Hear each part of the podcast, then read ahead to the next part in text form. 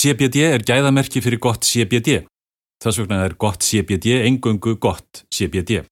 Gott CBD styrkir huga og hönd, gott CBD styrkir líka þvottahúsið. Korkur í eldursið, korkur á baðarbyggið, korkur í stofuna. Við elskum kork. Korkur, umhverfisvæn, hipp og cool. Þátt Þorgríms er stoltur styrtaræðli þvóttahúsins. Herru, velkomin Helga Já, takk fyrir. aftur í þóttásið Velkomin. sko, við, hérna, uh, við, ég fekk að vita það ekki að við verðum sérst orðnir áhrifavaldar Til hamingju. Já, ég veit ekki hvað það þýðir kannski er okkur bóðið ykkur ásóttíð kannski. eða jólahlaðborð Fáum okkur sér tattu. já, en hann að við ætlum að, semst, að við ætlum að fara í svona smá ykkur kynningu Áður en við spjöllum. áður en við förum svo í spjallið Ég er alveg hérna, ráleg. við ætlum sérst að byrja á hérna, Já. Þótt Þorgrims, Mhm. old school, fjölskyldufyrirtæki Heldur betur. lífræn vaksandi eining Mm -hmm. sem að selur aðeins geðavörur Mm og það er svona smá kynning með korkin mér langar að fara aðeins í kort, kork þarna fettisinn sem ég fór í 1996 Já. ég kefti mína fyrstu íbúð og hann að pingu lítið íbúð á skækigötunni þá var ég með eitthvað svona nostalgíu uh, hérna fettis eitthvað, við vildi fara eitthvað svona aftur tilbaka í ræturnar. Mm. Var og, korkur og korkur varð fyrir valinu og ég Mhm. sett semst korku eldúsi hjá mér sem ég lakkaði. Keftur hann í þátt Þorgríms? Uh, ég manna það ekki, þetta Nei. er svo ógeðslega langt síðan. Eflaust, eflaust. Og hana, þetta er bara svo klikka efni og svo var þetta lakkað og svo vinu minn Halli hann fór í þetta líka. Mm -hmm. og hann var hérna, hann, var, hann vandaði sér svo mikið í mann eftir þessu sko, þú skerði þetta bara með dúkan í svo laðan þetta og eldur sig á sér hann var sko fjóra mánuð að leggja eldur sig á sér sko, hann tók sér frí í vinnu og allt sko og hann að og svo var ég hérna niður frá um daginn að spjalla við hann góðin okkar, hann, hann Daniel sem er okkar maður í, Mm -hmm. í Þóttorgrims Kork Daniel. á Kork Daniel, hann er með bara korkblæti döðans, Mm -hmm. þar var ég að sjá pröfur altså, uh, sem hafi verið teknar úr safni Einars Jóns uh, sjóminjasafninu Mm. og Hotel Borg og það er bara svona, er bara svona pröfur af korki uh, lakkar Mm -hmm. og í rauninni bara undistrykar rauninni bara hversu endingagott uh, þetta efni er og umhverfisvænt þetta er þú getur slípað þetta aftur og aftur sko. Við löpum hann á kontorinn hjá þeim, þar var korkurinn 39 ára gammal. Sá ekki á Nei. Þetta er með ólíkindum Þetta er ótrúlega. En sko, ég er bara svolítið með, hérna, með ykkur í þessu, þetta. það var korkur á, á sko, eldhúsinu, þar sem að ég ólst upp. einmitt Og þetta er geggja og það þarf eiginlega aldrei að þrýfa þetta og það sést ekki þetta á þessu. Mhm. Það bara getur í sig. Veit ég hvort það er gott eða slega? Já, en finnst þér ekki korkur að vera svona, svona hvað heitir það, svona underestimated Jú, ekki Skilurðu? spurning. Mhm. þurfum að fara að sjá er mjúkur meira. þetta er korkin svona Heldur betur. Herru, allavega, árumáli 29 hann bara get down to it farið Heldur nýttir, betur. hittið á hann að Kork Daniel hann tekur ykkur í túrin Það losar ykkur í gegnum þetta. Herru, svo er það smá kynning frá sponsor aftur, það er hann CBD, gott CBD Það er betur en margt CBD. já, og ekkert CBD Og ekkert CBD. við Það erum hérna miklir hérna hampmenn og, og Mhm. mikið í oljónum og fyrst við erum nú komið með hana Helgu hérna til okkar og við ætlum að fara að ræða kvíðan og, og þingdina og svarthólið og, og, og hérna sásökan þá viljum við reyna bara minna á sko þessar oljur hérna. Við erum að selja þessar tvær oljur altså farmahemp og þessar leku olju og hérna og í rauninni bara fyrir mitt liti sko, hvað er CBD er búið að breyta lífi mínu sko, Mhm. hvað var það rauninni við ætlum bara að telja upp, uh, altså bara kvíða uh, hrað og ráðleysi uh, þunglindi, svefnleysi uh, fóta óverð, uh, innri bólgur í líkama og endurheimt eftir einhvers konar æfingar Mhm. uh, neglur og húð og hár Þú verður tekið eftir því?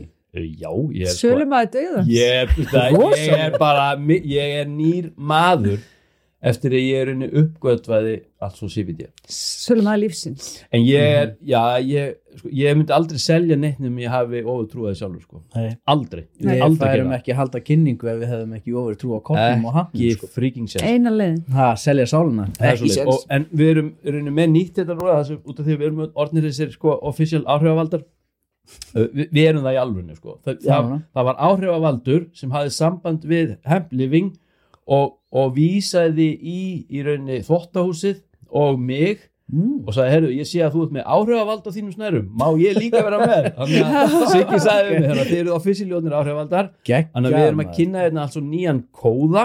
Það er sem sagt í sem sagt, litlum stöfum þvottahúsið. Uh, það gefur 15% afslátt og vörum bæði í Hemp Living og í hérna, altså netuslun og í Urriðaholt stræti 16 það er opið milli 12 og 17 Mhm. alla virka þetta það er ekki opið fyrir hátegi því að mennirni sem að vinna þar þeir eru aðeins um tvítugt og þeir sofa lengi. Og, þarna, og svo er það það síðasta og það er að mér langar að minna hlustendur á við höfum aldrei gert þetta að setja altså X í subscribe mm. á YouTube og kannski aðra streymisveitur. Við höfum aldrei mynd Nei, við þurfum að bæta okkur í þessu, við við erum höfum að bæta okkur í þessu. Og komum að fleira áskrundur á þessum stöðum. Já, hmm. áhrifavaldar já með ég- ekkert áhorf. Nei, tjö- Ég veit nei, fullt áhorfi. Fullt áhorfi. Við tökum, nei, við tökum ég hef nú verið ímislegt en kannski ekki verið áhrifavaldur áður. Eða ekki allavega jákvæða áhrif held ég. Neikvæðar áhrifavald meira í setjum tíð kannski. Kannski sendi herðu, nú, velkomin. Takk fyrir. Sko, ég fyrir smá rullu. Ok, og svo bara er það let's go. Og ég skrifa þetta hérna. Og þú kemur til okkar sem fyrsti viðmælandi uh, í desember á síðast ári Mm. komstu til okkar og svo settu þú út 17. januar altså eftir árumót COVID var búið að vera að flækjast eitthvað fyrir okkur og þú varst semst fyrsti viðmælandi, við vorum í kjallara mm við vorum algjörlega græni bak veirun Mhm. en þú komst með alla þína mýkt og, og þú varst svo ótrúlega næs Mhm. að ég hugsaði bara wow, bara þetta verður alltaf svona þá erum við öryggir mér leið þannig sko. Þetta var rosa ría söring svona fyrsta viðtala mjög þægilegt. Þér það, Jú, ekki þetta var mjög krefjandi en það er bara nærveran og mýttin og svona slakaður okkur niður. Ekkert smá. Uh, sko, þú fóst í burnoutið Aha. uh, tantra, nándina og alla þessa sjálfsvinnu. Uh, og saman tíma þá sé ég sko, þú varst á fullu á þessum tíma sko. Þú varst á samfélagsmiðlum, dansandi og svona Alltaf story með svona mörgum kuppum, svona alveg bara svona 20 kuppar stundum. Veist, þetta, ég, kannski ég þarf að læra þetta. Svona marga kuppa Long story, ég veit ekki hvort þú story. læra það Gunni. Nei. og þannig að fyrirlestrar þú veist að kenna, þú veist að halda námskeið þú veist brosandi út á erum og við erum líka vinnir, þekkjumst Mhm. hana líka svona síðan í old days. Þannig ég, ég er að fylgjast með þér og sé þig. Því nokkrum vikum setna þá bara hverfuru af radarnum eins og einhver hefði bara tekið úr sambandi veist, og svo fréttið þetta af þér í djúbri krísu. Rétt, uh, aftur í einhverju svo kulluðu börnáti uh, hvað gerist fljótlega eftir viðtali sem kom út í januar núna fyrr á þessu ári og velkomin. Vá, stór. Byrjum, byrjum bara velkomin. Við skulum ekkert tala um veðrið eða Nei, Nei, nei, það er langt spjall Nei, ok, fyrsta er bara eitthvað speill Mér náttúrulega leiði rosalega vel hann í fyrsta viðtalinu Mhm. með ykkur, þið Mhm. voru voðalega mjúkir og, og yndislega við mig. Þannig að þetta er svona það tvenn, Viðtalið Magnaðist saman. fram að brúninni. Það var ekki viðtalið við ykkur. En, en það sem er hérna, áhugavert er að, að það hefði einhver upplifað að ég hefði horfið út af því ég raunverulega eina sem ég gerði var að slökka samfélagsmiðlum Mhm. hérna um páskana Mhm. þannig að í byrjun apríl þá raunverulega bara líður mér eins og ég bara mér sé sturta niður í eitthvað svartól Mhm. þú veist, bara ímyndi eitthvað bara svona ég að fljóta um ykkur svona risa svona klósett Mhm. skál og ég er svona öðru hvort að koma upp til landa en ég er definitely á leiðinni í svartólið Mhm. og eiginlega það sem ég geri þegar ég kem upp til landa Já. var ekki bara eitthvað söt í þóttavel eða kissa bönni mín eða eitthvað, Mhm. ég ætla bara, ég ætla bara að selja pláss á námskeið Mhm. eða eitthvað, Mhm. ég ætla bara að vinna aðeins eða gera mitt nokkra punta sögu á Instagram eða eitthvað Mhm. smá röng forgangsröðun Mhm. en síndi raunverulega hvað ég var á rosalega vandum stað Mhm.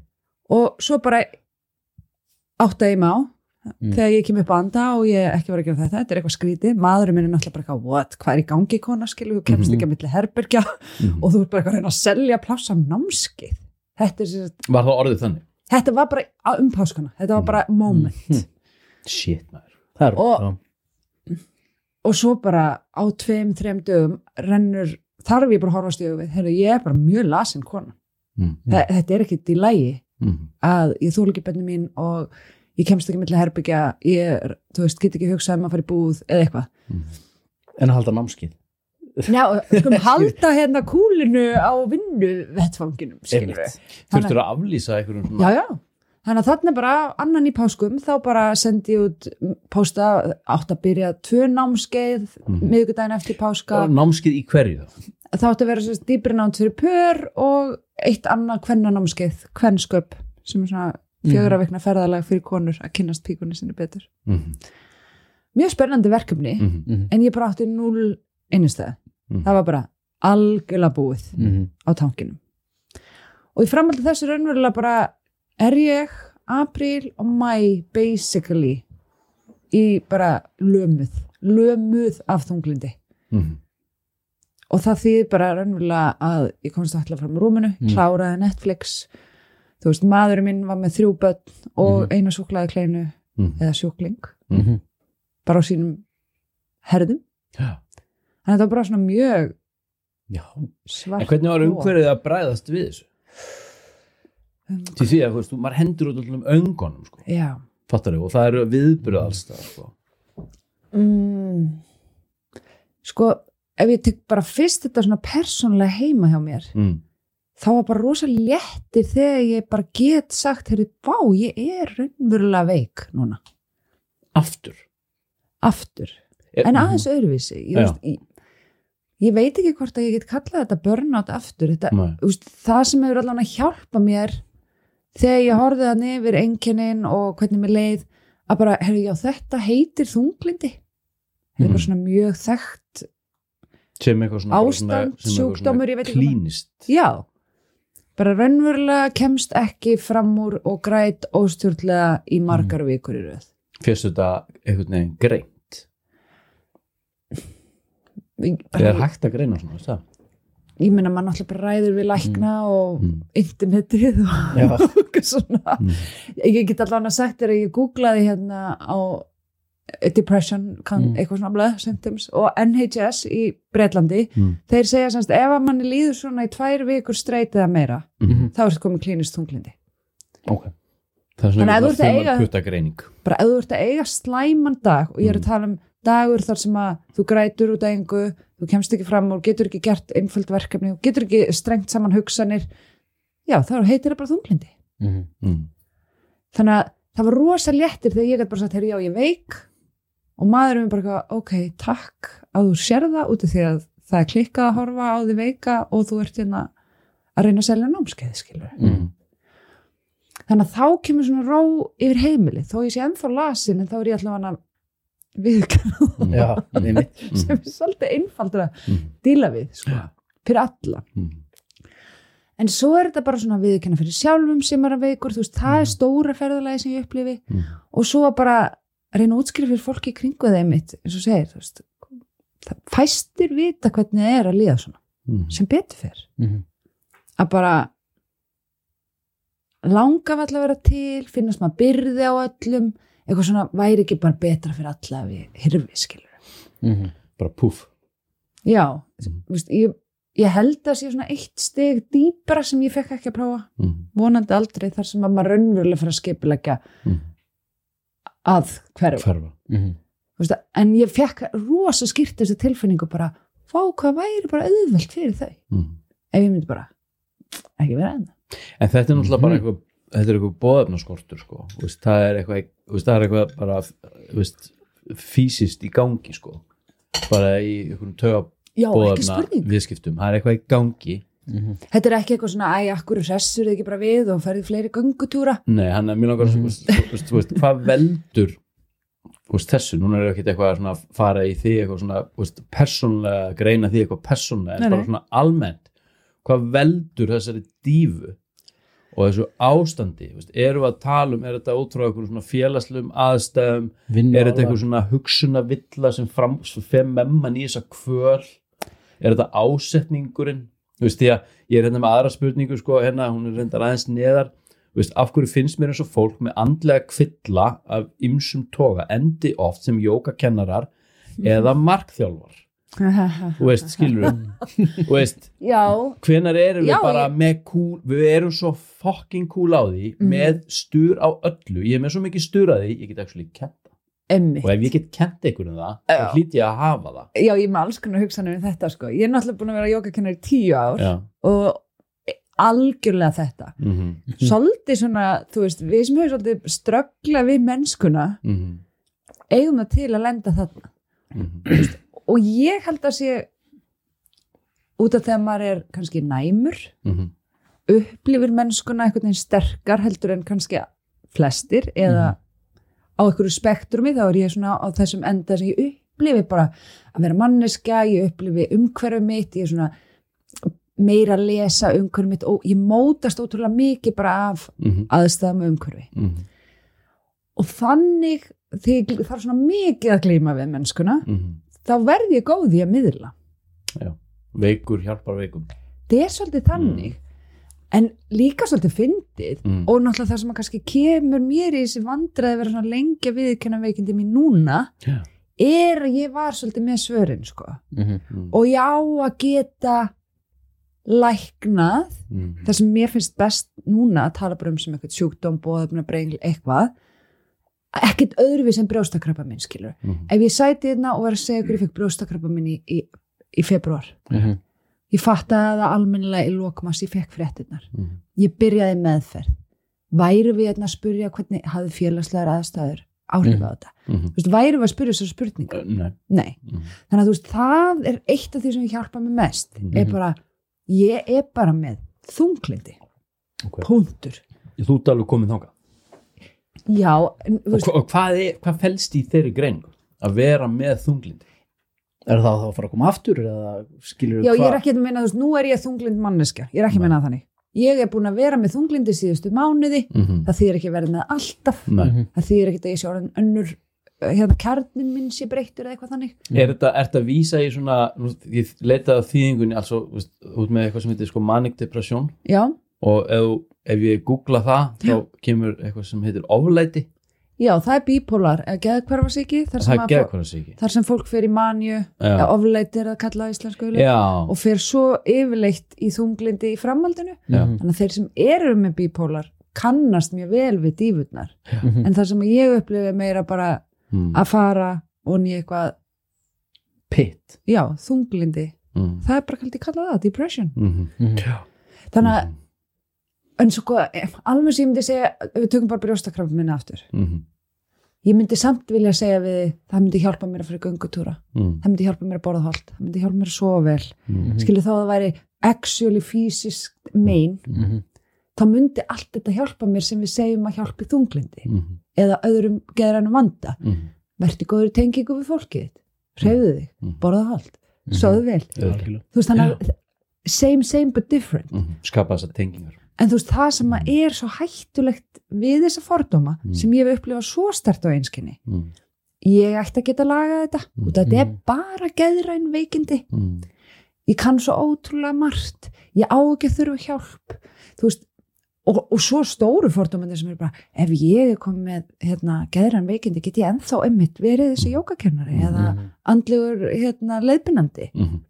er, er ég orðin núna uh, óhæf. Mm. út af því ég fekk þessa, þessi enginni eða Mhm. veikindi. Já, eða getur þú náða að kristalla þessa reynslu einhvern veginn? Já, en það er náttúrulega það sem ég trúi. Mm. og þegar ég er komin í gegnum þetta sko, hver er ég, fyrst ég er með þessi veiki skilur já, er ég er sama mannskap þannig að ég get haldið áfram minn veg. Mhm. þó ég kannski búi við svona einhver ákveðna takmarkanir. Mm. Og þá komið bara aftur inn í kulnun Mm. kulnun fyrir fimm árum gerði það að verkum að ég er með ákveðna takmarkanir Mm. og ég tali vilt um bara batterið mitt er ónýtt raflaðan Mm. hún brann yfir þannig að hún virkar ekki eins vel hún fyllist ekki eins öðla og hún Mhm. tæmist hraðar hún á að gera Þetta hefur áhrif á hvernig, þú- hvernig framistæðin svona út í svona þessu hefðbundna samfélagi getur orðið. Eins og hvað vinnum og já, ég þarf að hugsa vinnundu rosalega pressu vel og, já, ég þarf Mhm. að hugsa rosalega vel hvernig ætla ég að nota orkunum mína já, og hvar tæmist orkan mín Já, finnst þið það að hafa svo mikil áhrif á þetta einmitt? Í- já, Þú og veist ekki bara, já, ok. Það ég tengi alveg þetta sko. Algjörlega sko. Já, eða bara batterið ónýtt þá, bara svo gammal sími. Það er lélegt Lel, nei, ég meina ekki Já. en þú skilur að því maður einmitt sér að ég detti í kulnun ég næmir og ég get þá bara aftur farið í sama og kulna Já. aftur í gang skil. og ég held að sama allir óski sér þess og ég held að ég hef sko vitað Já. þessi fimm ár, ég er með takmarkanir ba, ba, ba, en ég hef aldrei þangað til núna Mhm. síndi einhverja virðingu Nei, þú veist, ég hef ekki heiðrað eða virt þessar takmarkanir, ég hef meira verið svona ég veit að það er þarna, mist það pirrandi mist ég léleg fyrir að hafa þær. Þú veist, ég hef svolítið verið svona bara en heldur þetta sé huglægt eða bara Þetta einhver alveg- óaftur þetta er klæður skadi sko, því, því hugurinn mann sko, hvað maður komst upp með hér áður fyrir sko. og maður er einhvern veginn getur ekki mantrað þig mantrað eitthvað annan nei, já, þetta minnst það bara áhugavert. Ekki spurning. Hugarfar mm. hefur áhrif já, já, ég og, veit og, og sko, þú veist þá er þetta- um kulnuna, sko, Já, ekki þunglindi já, ég en- veit, já, já, en það, bara í þessu öllu mhm, Mm. þú veist, hugur og líka með þetta tengist allt mhm. umhverfi og tengsl þetta, þe- þetta er eitthvað risa pakki og það er svo erfitt að að segja eitthvað eitt Nei, virkar veit ég svona skil. og eitt, þú veist, þetta er þessi magnaða hérna, þessi samofin Mhm. tilvist okkar Mm. að það er ekki hægt að, að segja eitt svona en nú er ég aðeins með að taka þræðinum en varðandi kulnun svo náttúrulega ég er svo fyndin sko ég náttúrulega fór í kulnun bjóð til námskeið fyrir fólk sem hefur farið í kulnun svo fyrir aftur í kulnun eða skilur sem má Kannski. segja það já, að þú veist en það sem ég læriði þar Mhm. var að lang flesti sem komið til mín Mm. sem höfðu farið í kulnun voru þarna annarkvort í nummer 1 eða 2 eða 3 eða 4 Mm. Mhm. af ykkur skonar kulnun Mm. út af því að eins og þú sagðir Mm. Líka minn ég man Mm. hvernig er að fungur á ykkur sem var ekki heilbrygt Mm. svo komum við inn í lífið aftur og það á að vera okkur nýjum forsendum og Já. forsendurnar eru minnið sko. og það er að sér að segja veist, veist, ég var eitthvað fyrir fimm árum síðan sko, þetta stöða neyslu þú veist, á alls konar drasli og það var miklu meira en bara neyslan heldur var það bara algjör total burnout sko. og, og ég finna þetta ég kemst ekki upp með sömu hegðun mm -hmm. og ég rauninni komst upp með fyrir aðeins 5-6 árum síðan Mhm. sko. en samt er hluta með sem mann og, og þar eru viðmiðin sko. þannig að ef, ef að ég er ekki að taka tillit til þess þá er ég að ganga fram að mér Mhm. og svo er það hitt ef ég er einhvern veginn að reyna að taka tillit til þess og, og stramma mig niður þá er, það, þá er maður oft í þessum samaburðu við hver maður var áður sem framkallar minnimátt að kenn sem framkallar einhverja veist, hvað veit ég, já alveg bara svona þú veist, bara látt sjálfsmat og, og, og kenn sko. Mhm. Þú veist, þar til maður átt að sig á því sem þú ætti að segja þú veist, ég er bara orðin og við getum kallað þetta skerðingu en við getum líka kallað þetta þroska sko. ekki spurning fattur það hvað við? mm -hmm. því ég líti á þetta líka sem þroska að geta bara aðeins dreigið sér tilbaka og fara að horfa í kringu sig sko. Gæti ekki verið meira saman ég er að spáði hægt að tala með þessum takmarkanir. Já, Ég- skilur þú hvað og við? sálfræðingin minn hún sagði mitt bara þú veist, þú ert bara raunverulega orðið svona evolved sko, þú veist að þú þarft einfaldara líf og Já, meiri ró þú veist, er svona. þetta skerðing? Já, eða eru við bara að komast meira í tengsl sko, við hnappana sko. og það sem skiptir raunverulega máli. Já, og þarna kemur líka við tala um þess að sko nýður yfir eh, hérna, þetta sjálfs eiginlega bara óbyldi sko upplifi ég, þú veist mm. með þetta óm, já, og eiginlega bara ég þurfti svolítið að horfa stjóðu að ég var minn vesti óvinnur mm -hmm.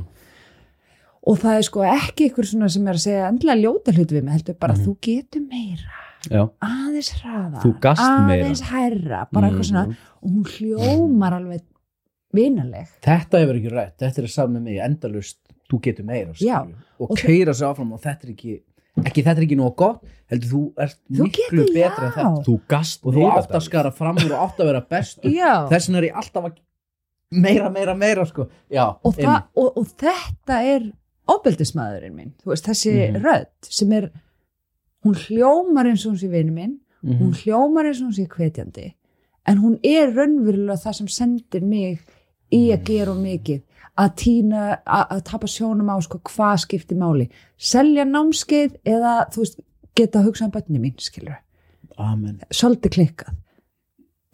En þetta er, þetta er samaburðinu sko. þetta er sko þetta, Oh þetta er svo kallega svona, þetta er svo kallega svona tvíhyggju hugsun eða svona, svona dualismi sko og sem fylgur í sér að ég ég er í samaburðu, ekkert endilega bara við aðra menneskur, heldur líka kannski einhverja sögur sem ég er með í hausnum á mér um aðra manneski sem er ekkit endil í takt við neitt raunveruleika og líka bara í samanbyrðu við ykkur sögu sem ég hef um sjálfa mig út frá því hver ég var þegar ég var með testosterun í 25 en ekki 15 skilur og, og var bara meira Já. graður skilur Emmi. hafði bara meira capacity til þess að díla við shit bara meira sko. drive og meiri drive, og allt þetta sko þarna kemur að sko, það sem mér finnst stóra uppgötunin og það er þessi hættulegasti samanburður sem er ég er að bera mig saman við þessa fullkomnu mig sem getur allt og veit allt og þú veist, er bara með Mm. þetta Mm. eða er mitt fortíðar útgáfa af mér Mm.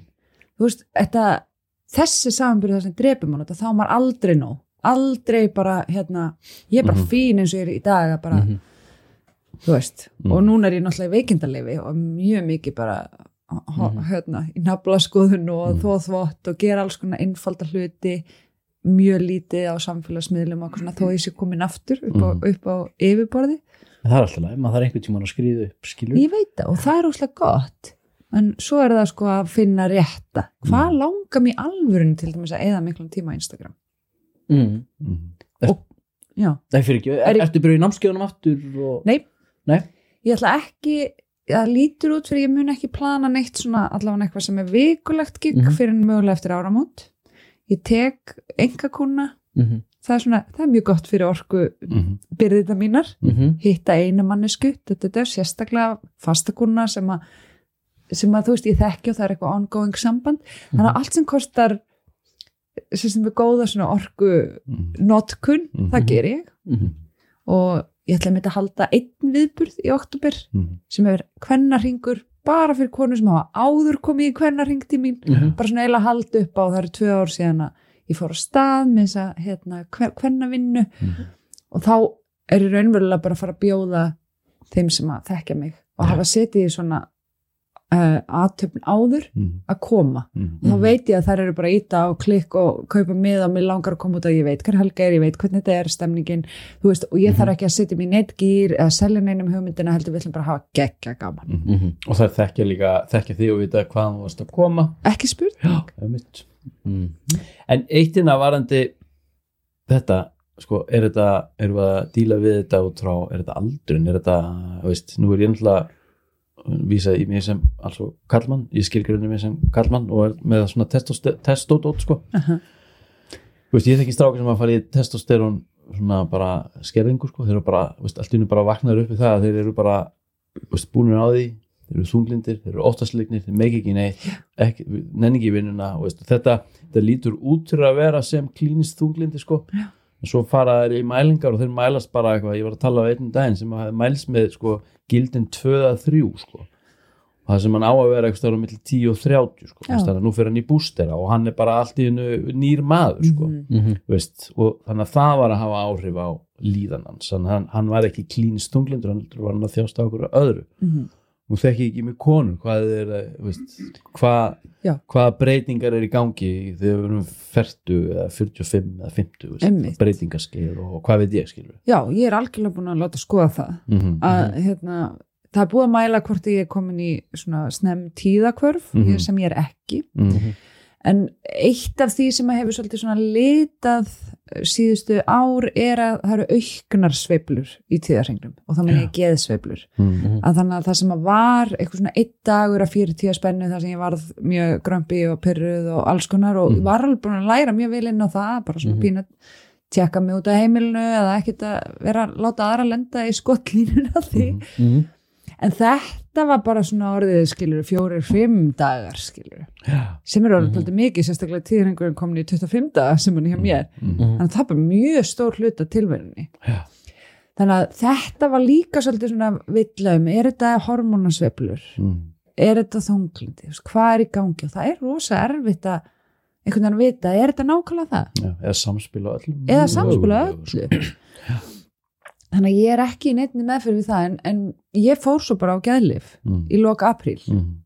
til að tækla bara þennan serotonin vanda raunverulega, eða svona Mm. SSRI-lif Mm. sem að svo er það að um kvíðastillandi lif eða, eða, þau þunglindisleif Mm. en þessi lif þau tækla líka kvíða og partur af enginnunum mínum er alveg kvíði þó hann sé ekkert í meiri hluta Mhm. lang mestu viðbröðin voru enginnin voru svona ofsaþreita Mm.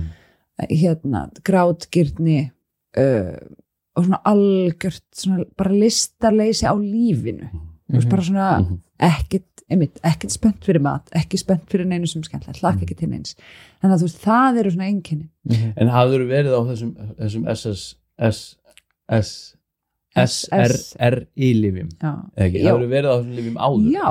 Ég var á þeim í tvö ár eftir börnótið. Já. Og það hjálpuði mér mjög, mjög mikið þá að bara einhvern veginn finna fast land undir fótum eftir Já. að hafa einhvern veginn bara brotnað í miljón bita Já. og ástæðan fyrir ég hætti á þeim Já. er ég var með svo skrýttin drauma ég var bara með crazy drauma En er eitthvað að því að hætta svo á þeim? Þetta er eins og hann kom inn og hann hann Björgvin Karl, mannbúrið sem var hjá okkur sko, hann fer í, í hann fer í, í Greiningu. Já, já, hann í svipaðar aðstæður þú, bara algjöra kulnun sko. Mhm. og hann sem að þarf að fara að stokka sjálfum sér upp upp á nýtt sko, fór mjög ítalið þetta. Og sem afræðs íþróttamaður eða afræðs íþróttamaður sem hann er þá fór hann mjög svona taktist í Mhm. þessa sjálfsvinnu. Ótrúlega flott. Og hann notaði lif sko en í rauninni bara á, á hátt sem ég hefði ekki heyrt áður. Hann, hann er ekki á þeim. Hann notaði því eitthvað x tímabil hætti svo á þeim og á svo alveg til með að taka þau stundum ef hún finnst vera þörf á því en notar það ekki sem í rauninni svona eitthvað daglega hækju. Það þarf eitthvað við? Já, getur maður, veist, finnst, veist, þarf maður að vera á þeim bara forever? Er það pælingin nei, held, nei, nei, nei, ég held alls ekki ég held að stuttsvara segja nei. Mm. mm. veist, það sem er yfirleitt talað um í sambandi við þessi lif er að þau hefur að stuðningur í einhvern tíma. Mhm, fyrir flesta, sumir þurfa bara að geðlega um alltaf. Mhm, Þú veist, og það er bara þessi, þetta spektrum. Mhm. en fyrir mjög marga á ráleikingar sem ég fengi er, veist, mhm, við viljum sjá sex, að minnst okkur sex mánuði, mhm, þar sem þú ert stöðug mhm, í líðan. Já. og þá er þetta að tala um að lækka skamtinn mhm, og svo stöðug í sex mánuði og fara út af þeim og það var ekki stort vandamál því ég hætti á þeim síðast. Nei. og eins og ég segi, stóra ástæðan var þessar aukaverkanar að vera með svona rosalega fyrðulega drauma alltaf, ég bara, mér fannst það bara skrítið, var bara pínu svona rengluð Mhm. Það er svona, hvað, þetta, hvað er raunveruleiki, hvað eru þessi draumar? Og það er eitt af ástæðanum fyrir ég er svo sein að fara á lif núna. Mhm. ég var svo hikandi Já. út af þessum aukaverkunum og svo er það eitt daginn að ég er eitthvað að tala við vinkunum mína um hérna líðan mína. Mhm. og hún er svona, "Já, hefur ekkert prófað að fara á lif og ég alveg, æ, ég var eitthvað svo vond að drauma Það með eitthvað. martraðir þá bara? Bara svona svolítið svona, bara skrítnir bara ímyndaðir að draumirnir sem eru svo raunveruleg þetta er nánast. Já, Já, ég og ég hef stundið sett þetta svona eins og að fara úr Hollywood það sem er bara eitthvað kunnulegt og yfir í Bollywood. Mhm. bara, þú veist, ég er bara vön eitthvað svona drauma lífi og svo bara allt í mig breytist það. Og svo skell ég á þetta, þessa vinkonu og ég bara, ert að grínast? Er ég að tala um eitthvað skrýtna drauma? Og ég get ekki hugsað um fjölskyldunum mína og heimilum mitt. Mhm. og ég kemst ekki út í búð. Mhm. þú veist, þetta er bara eitthvað rugg kona og ég bara ringdi á helsugjösluna bara byggum, við skulum bara græða þetta. Ég fer bara á lif Mhm. og, og þau toga mig upp úr þessu svarthóli Mhm. Þess að gerast fljótt. Það tekur þrjár til fjórar vikur. Mhm. Og til þess að svara spurningur með lifin áðan, þú veist SSRI lifir er forðalif Mhm. þú þart að byggja þau upp Mhm. það tekur þrjár til fjórar vikur Mhm. og svo ertu á þeim Mhm. og það er ekki eitthvað ég teku þau þennan mánuðin og það með líður illa og þú veist, þetta er bara svona, þú Mhm. þarfst að trappa inn á en að þú ert að nota eitthvað sko kvíðastillandi sem er bara, sem að fara úr kerfinu okkur um klukkutímum, Mhm. þá getur þú nota þau eftir þörfum Mhm. þú veist, þú ert að upplifa, þetta er erfið dagur í með Já, kvíðakast, meinar. er í krísu Ég þá skil. tekið eina róandi myndi vera Mhm. En já, þannig ég byrja á þessum lifum aftur núna í lok apríl og byrja að skrýða að, fyrst fer maður sko verður verri Mhm. mjög óskeptilega reynsla þannig að ég, að, ég tek, já, mæ fór svolítið í bara, ég fór bara í hakk á meðan lifum voru að byrja að virka Mhm. og svo bara, ó, ok, ég sé út en þetta er búið að vera svolítið rock í, Mhm. í sumar En hvernig með hana uh, veist, svona alternatívar leðir veist, eins og veist, sílosopín eins og sveppina eða, já, ég var búin að mikrodósi tvö ár já. Áður en að ég fer á þessi leif, þú veist, ég er búin að vera alveg svona sveiflu kend síðan börnátið Já. það, varstu búin að vera að mikrodósa allt svo sílosopín fyrir þennin tíma? Já, já, já tvo, síðustu tvo vetur mm. þá var ég að mikrodósa, jafnvel lengur. Ég er ekki alveg viss. Ok, og það, var það daglega sem þú sko ég var sko tímabilin var ég alveg sko systematist þriðja hver dag já, að taka bara einhvern einn eða tvo sveppi Mhm. þú veist, sem ég fann ekkit fyrir. Mm en fyrir mig hjálpaði það ekki og Nei. þú veist, sérstaklega ef ég var á kvíða tímabili þá fannst Mhm. mér að espa kvíðan upp en hérna já, ég er búin að hérna, fara í serimóni og skoða alls konar þú veist, í svona alvöru já, Svona full sí- dose. s- já, og ég lærði rosalega margt af því Mhm. Mm. en það, það hefur ekki Nei. verið nóg fyrir þetta, já já, ég fór ég er búin að prófa allt alternativ ég held að þú spyrja mig, það er ég bara búin að prófa það, ég, þú veist, að, ég veit ekki hvort þetta er skemmtileg saga fyrir svona hlaðvarp en í mass og april fór ég sérst í sjösinn við svona stólpípu, svona ristilskólun. Næs Ja, það er ennþá hægt já, hérna já, heima. það er hægt, ég hafna fyrir því En okkur köpur ekki bara þessi lif sem að fær fyrir ristil speklun, er það ekki nóg? Ég prófaði það, ég er nokkuð við sem það hafi ekki verið neitt eftir í lokin sko. já, já, fyrir ristil spekluna sko. Er það ekki sama, þú er bara að hreinsa allt jú, raunverulega. Ég veit ekki, ég veit ekki hvort Írena myndi verið sammálaður að, hérna, laxativ, hún Írena, hún er semst algjör snillingur, mm. Rússi og er með hérna, bet, betri hilsa eða eitthvað í hérna, uh, hafnafyririnu Aha. Ok, allavega, ég, ég held að sko ristilskóli sé frábært Já. en Af ég var svona, ég var náttúrulega pínu örvæntika full þarna Já. Og ein vinkurum sem svipaði lasin og ég, hún bara, Helga verður að fara í hérna ristilskólun og það, það er bara, sko. það er bara það, þá rettast þetta en sem er náttúrulega sko, það er alveg rökrétt og ég þekki til þess að fólk hafi geta hægt á kvíð og þunglindslifum eftir að reynsa út út af því að líffræðilega það búum við til serotonin líka í, í, Mhm. í þarmakerfinu okkar Mm. þannig að þú veist, þetta hangir allt saman er þetta ekki bara placebo, skilur ég held ekki. Nei, en, ok, þú veist, ég ég meina það von- týrkast sko. en ég var mjög vongóð um að þetta myndi breyta ykkur fyrir mig en Mm. ég eiginlega bara sökk dýbra á þessu sama tímambili þannig að þú veist, en ég kláraði allar sjö ristaskólan það var En af hverju voru það sjö? Var þetta eitthvað svona, er það eitthvað svona nei, hún metur, hún, hún er hérna. Þú þarft að fara í sjö já, ristilskólanir já, hún, hún, hún te- tekur á það í hvað lengur fyrstu. tímabili, skilur, er það einn á viku eða, já, hún bara, já, sirka þú veist, þú byrjar að veit ekki hvað við erum að fara djúpt í þetta. Það er það er stjúpt og vill, ég er rosa áherslu en þetta er geggjað, það er sko svona tæki á vegnum er þetta ekki svona eins og poliovélanar bara svona á vegnum það er á vegnum og svo náttúrulega ferur upp í endaþarmin Já. og svo dælur hún uh, saltvarslaust Mhm. inn í þarmana. Og svo skólar hún því út og svo er svona gluggi á tækinu með rörinu og upplýstur gluggi sko, það sem röri fyrir og, og, Og og, allt gumsið. og allt gumsið sem kemur og hún, hún, sko, hún segist við þetta allt En um þú, en þú búin að vera fastandi á þeim Þegar ég er á fyrir.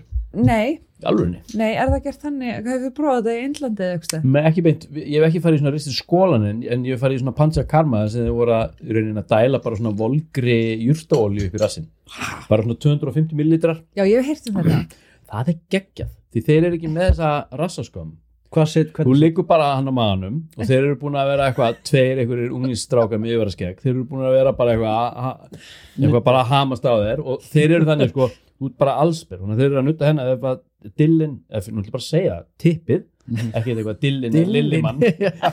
Tippið. tippið fyrir, þá bara svona færa er það og ef maður liggur á maðan þá bara svona fara þær eigin upp í rassin sko. þeir eru ekkit fimmir. Nei. og svo, svo hann að tvisvar í svona pansakarma sem er 21 dagur þá að þessum 250 millilitrum með 300 upp í rassin og svo, er það svo bara að dropa út svo rassinn? stendur upp og þá segja þær hold it. Hold it. Og svo, og svo teimaði þið svona að klostinu sko. Og svo standaði tveir svona úlingstrákar með öraskegg, horfa á þig og bara hold it longer. Og svo bara let go. Og þá á maður að sleppa ólíðin út sko, maður bara með gaurana fyrir fram sig sko. Þetta er rosalegt. Já, já, en ég mér veist ég lifa lengi þessu, þetta hafði alveg áhrif á alveg, þú veist, mína líðan eftir bara full punch karma, sko. Ég, ég, ég, ég, inn í, sko, sko. það er á bucket list. Pancha Karma, svona hreinsiprogram mjög hefbundið ákveði raða saman eða ekki? Jú, jú, þú kemur bara með og við ætlum að fara ef, ef, það er að segja, ég er náttúrulega ekki bólusettur að geta verið vesinni, en við ætlum að fara ekki núna heldur næsta, næsta ármót Ok, kannski Þú kemur með. bara með. Já. En já, hann er Suður Indlandi, þetta er alveg hefð þar, sko einmitt er búin, þetta er búin að bucket list í, í mörg ár að fara í Mhm. panchakarma mm. en já, þannig að ég prófaði ristilskólan og ég fór í alla göngutúruna og Mhm. ég hreyfi mig Mhm. og ég borða þált skilji, ég, úst, ég tikkaði í öll bóksinum með þess svona sjálfshjálp ég stunda höfleyslu og þú veist það er bara þegar að það sem er að er svona mikið Mhm. þá er maður bara, sorry, ekki guð lengur Mm. Þú veist, og maður er náttúrulega aldrei guð en það var tóltið svona bypassi sem ég var í, sko, ég á að geta lagað þetta Mm. með því sem ég kann. Mm. en, veist, en þetta var bara ekki þess eðlis. Með þá kemur maður hérna á næsta. Ég, ég var bara þetta kom til mín áðan. Veist, þetta, þetta er svona ákveðin ring sem er lokað hérna núna með því að fá þið inn. Þetta er Mhm. eitthvað svona ákveði lag. Veist, nú erum við búin að sko, þú ert búin að vera veik. Meðan þú ert búin að vera veik þá erum við búin að tala við svona 40-50 manns. Mhm. Og, og hana veist, og það eru allir heimsmeistarar. Það eru allir litli guðir sko. Þú veist, allir með sínar reynsluður og aðferðir. Og ég taldi bara, ég fór eitthvað svona að hugsa tilbaka. Það eru sveppir, náttúran, jókað mataræði, sterar, hljóðtíðinni heilun CBD, cannabis, nutt og djúplega vefja losun opna hjónabandið, loka því, ríða mikið ríða lítið, horfa klám horfa ekki klám, Já. hitta geðlækni hitta sálfræðing, anda djúft, anda grund ekki anda, fari sjósund fari í ræktina og blati, blati, Einmitt. blati, blati, blati, blati. Vegan, vegan, já, einmitt. Bara keto, Já. þú veist, bara þú veist, ég er búin að sungazing, finna svarið. bara allt saman. Og ég var bara að hugsa bara, þú veist, og ég, fyrsta sem komið bara, djúli fólk brjálaðslega fyndið. Já. fólk er bara ógeðslega fyndið Þetta er brjálaðslega sjálfmiðað líka já, sem að er bara svona svolítið fyndið og fallegt. Veist, er hægt að nýta sér reynslu annara og er þetta ekki bara veist, er þetta ekki bara eitthvað bla? Ég held samt að sko það sem við erum að heyra þarna er bara að við verðum bara að finna, já, við verðum bara að finna það sem að eiginlega okkur finnst gaman og Mhm. spennandi og það við Mhm. getum haldist í því mm. -hmm. ég er aldrei að fara endast í að vera vegan nema ég bara heilshugar trúi að það sé best fyrir mig Mhm. Þú veist, við erum náttúrulega með ego sem að drífa okkur áform og, og láta okkur hafa áhuga á lífinu og tilvörinu og sína okkur og sjá aðra og allt þetta mm -hmm. þú veist að ég held að megum bara líka heiðir að við erum svona bara dullur ego erum- dullur sem að þú veist við erum bara menn. Já við erum bara og Já. rosa mennsk. Og, þú veist, og, og, og kannski í staðin fyrir að vera bara ég, ég mæti hérna bara ég er sko búin að finna, nú er það bara SSRI lif, Já. þú veist ég er ekki þar. Nei. þau eru að hjálpa mér mjög mikið akkurat núna. Já. Mhm. og mér skeggja að fara í ræktina. Mér skeggja að fara í præmal og læra að anda grund og eitthvað svona, en þetta er ekki svarið er ekki, Mhm. ég komi með lausnina ég veit bara hvað læti mig tikka akkurat núna Mhm. og ég held ég bara Já. dullu manneskan sem ég er bara leifum Mhm. enna að njóta þess Já. Já. eða þú veist, ég veit ekki Mhm.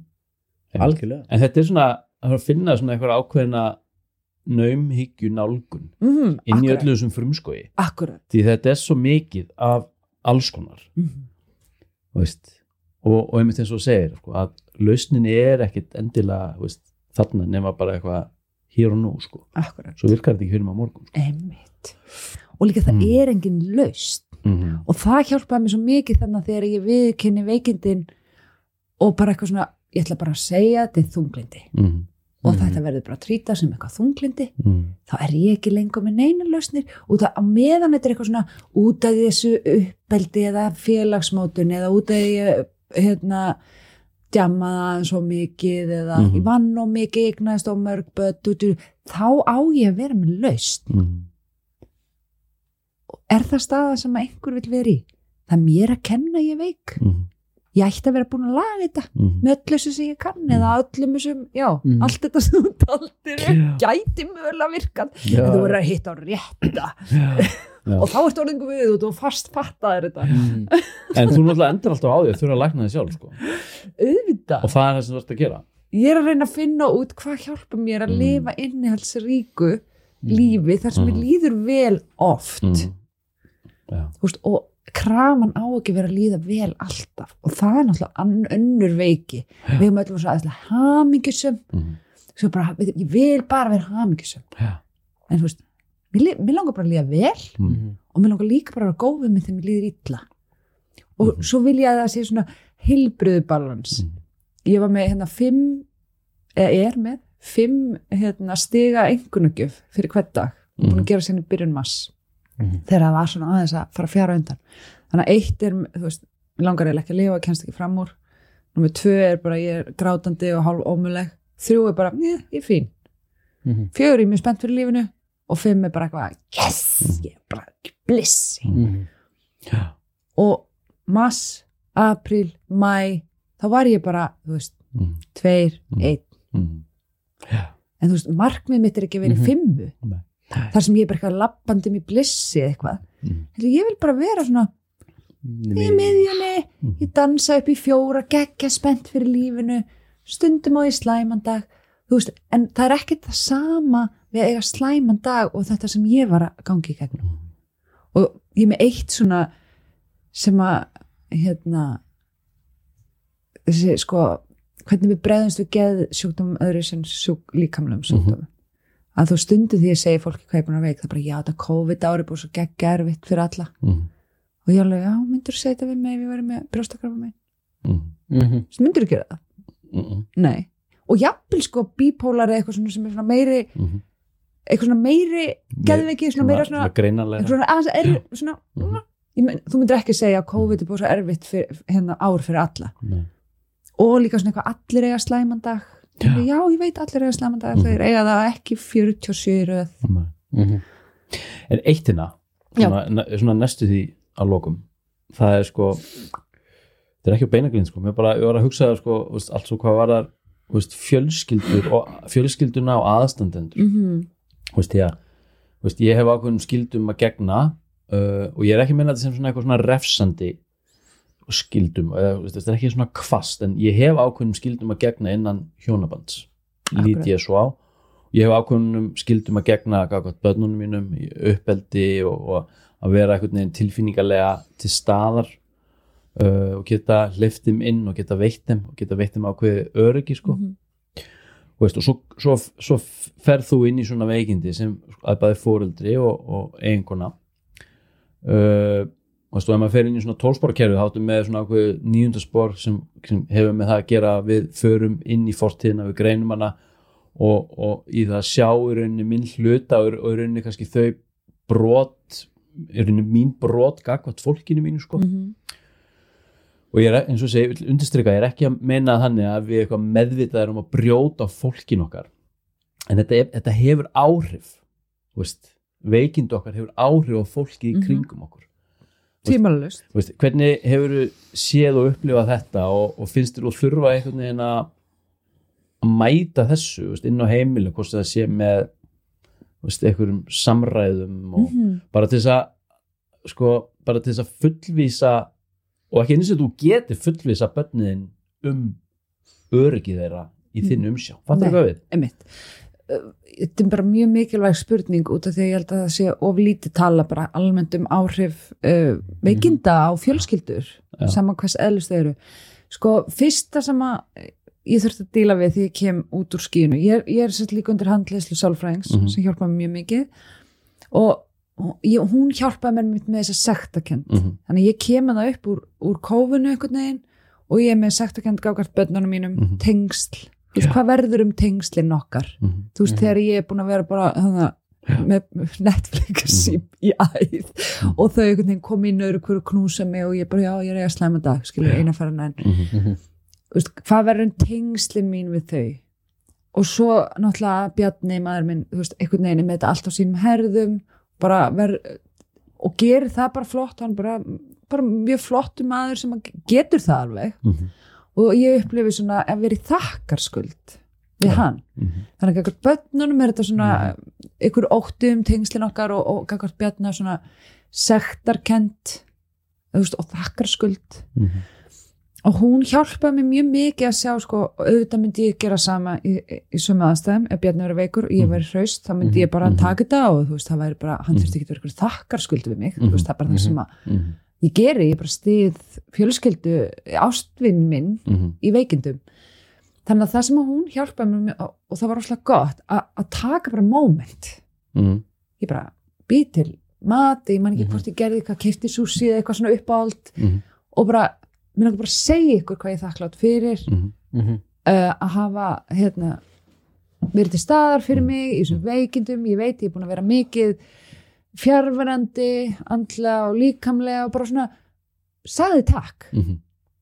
og svo var það bara búið Mhm. skilji, Mhm. svo ætlaði ég ekki að vera eitthvað að draga þá langin og vera eitthvað svona í kvöl og þú gera þetta búið til meiri þjáningu skilji, heldur bara takk fyrir ég Mm. kann að meta ykkar hlut og, og, og, svo bara er ég búin að afgreða það. En er ekki mikilvægt í þessu samtali að gefa aðstandendunum og, og þá ekki síst börnunum rými Mhm. til þess að tjá sig mm sjálfur sko, þannig að þetta sé ekki bara þín tjáning og þínum, þínum forsendum jú, jú, jú. heldur líka bara, veist, er eitthvað eins og kemur líka skýrt fram í svona nýjundaspors Mm Þú veist, er eitthvað bara sem ég sjálf kannski er ekki að sjá, Mm. gera mig grein fyrir já, veist, er eitthvað sem þú vilt segja við mig Mhm. fattar eitthvað við, ekki gefa spurning þeim þetta rými sko. já, uh, þetta var svona það sem ég gerði fyrir mig já, og mína sektakent og þakkar skuld eða hvað maður kallar þetta já, en það sem að við höfum verið mjög sammála um við Mm. hjónin gegnum þetta allt að Mm. það er aldrei fyrirleikur þú veist eitthvað svona, Mm. nú er mamma bara eitthvað, þú veist, heldur bara nú er ég veik og Mm. þú veist Mhm.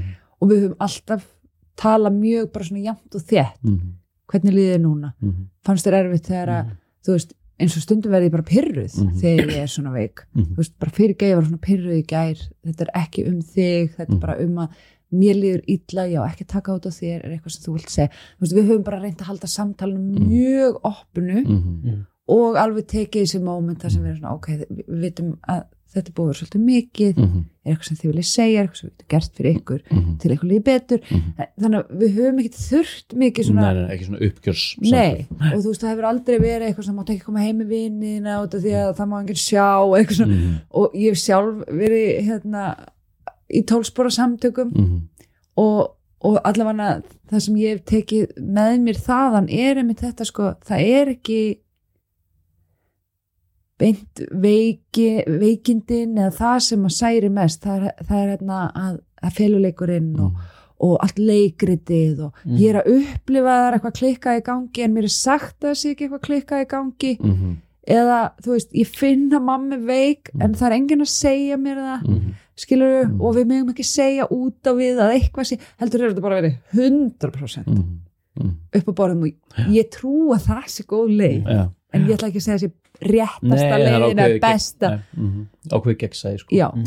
einmitt. og líka bara hvort skólabarnana Mm. geta sagt bara, heyrðu, veist, já bönni mín lesa ekki fimm sinum í viku alltaf og Mhm. það er bara út að ég bara geta það ekki Mhm. Mhm. Þú veist, það hefur bara ekki verið Mhm. aðstæður á heimilinu sem getur þá tekið næsta þátt um heimanám og mismunandi aðstæða batna og hvernig, hvernig svona Mhm. veikindi eins foreldris geta haft áhrif á, á, á velgenginni batna í skólanum út af því að það er bara mismunandi Já, stöðning heima fyrir Já, því það fellur undir Mhm. líka einmitt, hluta af þessum skildum okkar sko. Já, einmitt. og ég meina náttúrulega meðan ég er í afneitun Já. og ekki horfa stöðu veikindi mín ekki þykja það hjálp sem er í bóði út af því að ég er svo aðeinslega Mhm. klár og þarf að gera alls konar sjálf Mhm. Að þá er ég að bregðast Mhm. Já. en þess að ég sagði upp að þegar þessi hérna vakning kemur, herri, ég er bara veik Mhm. og ég ætla bara að kalla hlutina það sem þeir eru ég er bara veik, Mhm. ég þarf hjálp Já. það breytist allt, einmitt. það verður ekki þessi tókstreita, þannig ég myndi segja að þar koma þessi þáttaskil, Mhm. þar sem ég tek ábyrð Mhm. tek ábyrð um minn líðan ábyrð og skildu mín gagvart umhverfinu Mhm. það er ekki, ég er ekki neitt ábyrð að reyna að selja pláss á námskið fárla sem kona Það er skilur. loka á það. þá er ég ekki í Mm. ábyrð Mhm. Einmitt. Mhm.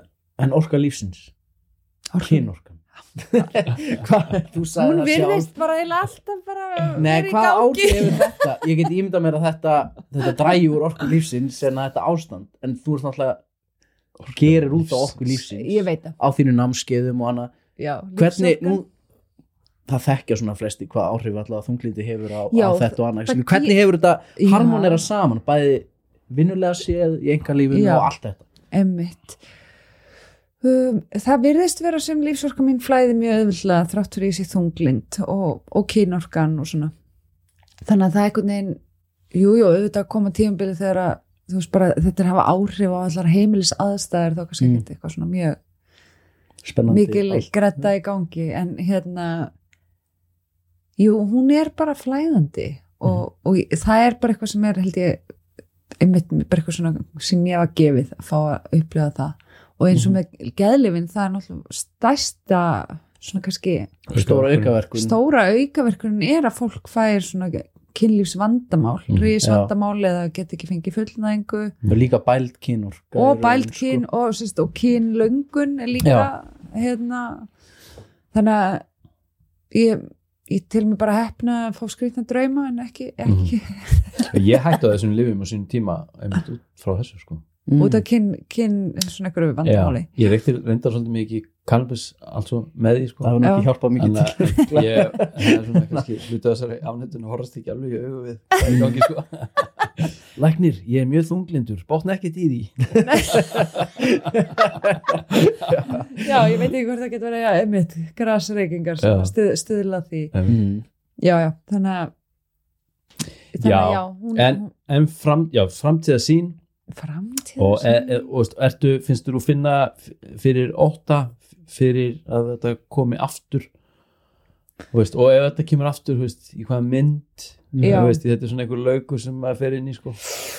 Já, auðvita ef ég bara hygglust óttast uh, að veikjast uh, eða, eða, semst, nú, ég, ég tala nú ekki með mér sem batnað ég er ekkert farin að plana meir en eitt dag í einu og, og þú veist, ég er alveg þar ennþá. Mm -hmm.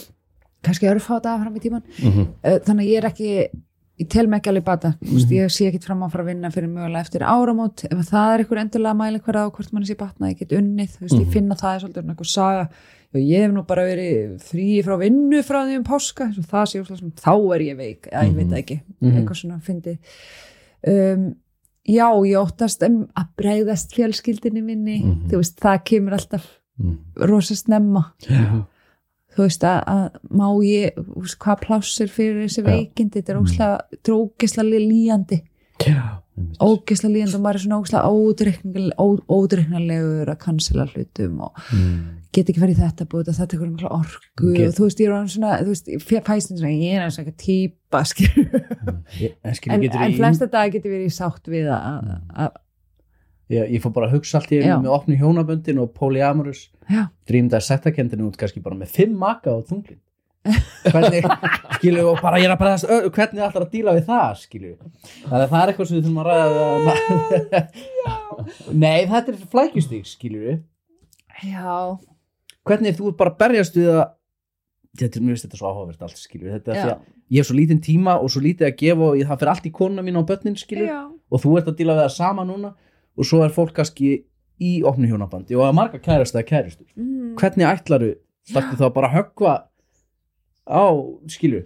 Bara svona smá ótutur sko. Já, já, en það er náttúrulega mjög mikið talað um það í þeim heimi, svona þessum polyamors heimi er að þú veist, hver og einn er bara með eitthvað capacity fyrir eitthvað x margar tengingar á hverjum tíma.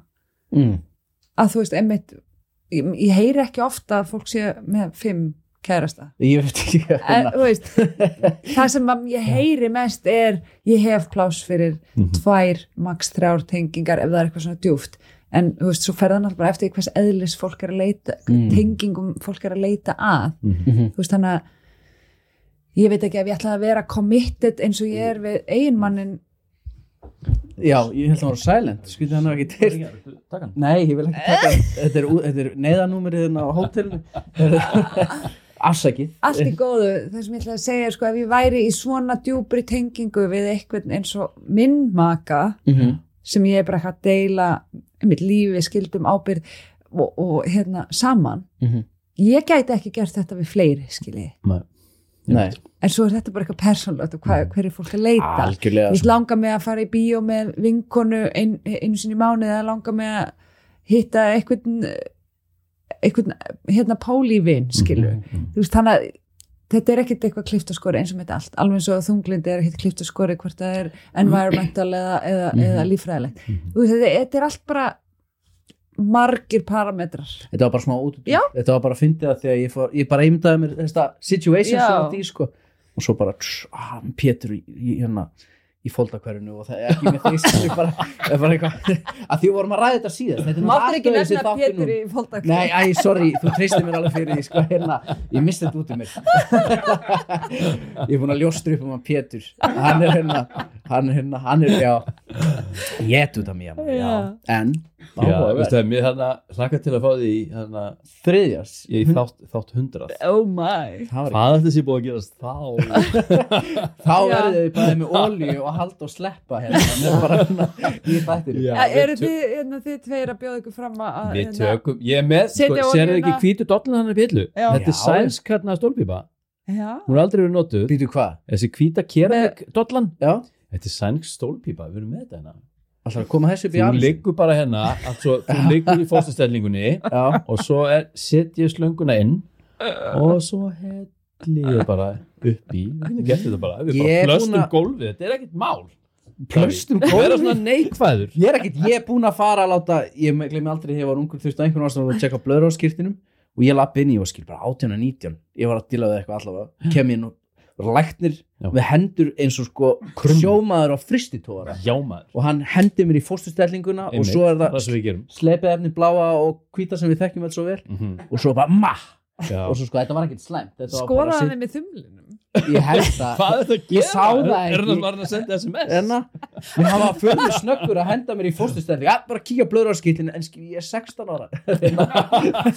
Ég veit ekki, ég myndi einhvern veginn fara Ég myndi einhvern um hvað óafgreitt fundar- tráma þetta situr í mér, ég man ég fór í ísbú eftir og ég gæti ekki setið. En svo fór ég í ristilspeglun í fyrra og það var bara stuð í rauninni sko. þannig að ég er ekki stressaður í sænsku stólpípuna Ég get bara Ég örgulega hérna fengið afslættu í írunu eða langar að bara fara í rist, ekkert sko. mál sko. ég man þú bent þú varst að kenna mig senast að, að prófa þumlana það sko, ég fór bara beint í, í hérna ristilspeglun, ég tók þessu of bókstaflega og myndaði þetta allt sko. Oh my god sko. Vá. Heyrðu, spennandi, herri Já. já hey, Hanna- ég, le, gjafin Já, herru Ekki svo vel Herði, ég er frönsk stólpípa. Þetta er svona Þetta er svona nuttari. Nei, þetta er hérna CBD. Líkakippa og upptakari. Já, takk Svo. fyrir. Oh my god. Korkur. Oh, Vist það Korkur. uh, Þið glasamáttu korkur. Þetta er glasamötu Þetta er, cork in it. Er þetta frá þeim hérna Þetta er frá Hemsli. Þetta er sem sagt, þú ert með hann að ég. Há Háberg.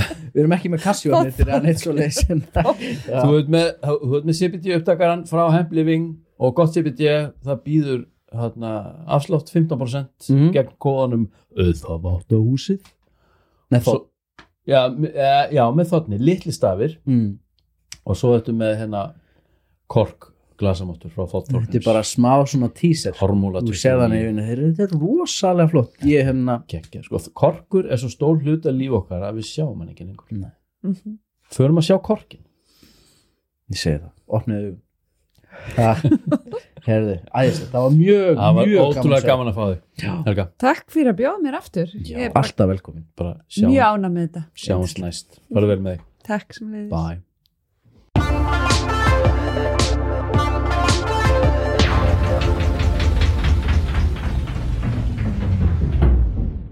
Gott CBD er gæðamerki fyrir gott CBD. Þess vegna er gott CBD engöngu gott CBD. Gott CBD styrkir huga og hönd, gott CBD styrkir líka þvottahúsið. Korkur í eldhúsið, korkur á baðherbyggið, korkur í stofuna. Við elskum kork. Korkur, umhverfisvæn, hipp og cool. Þátt Þorgríms er stoltur styrtaræðli þvóttahúsins.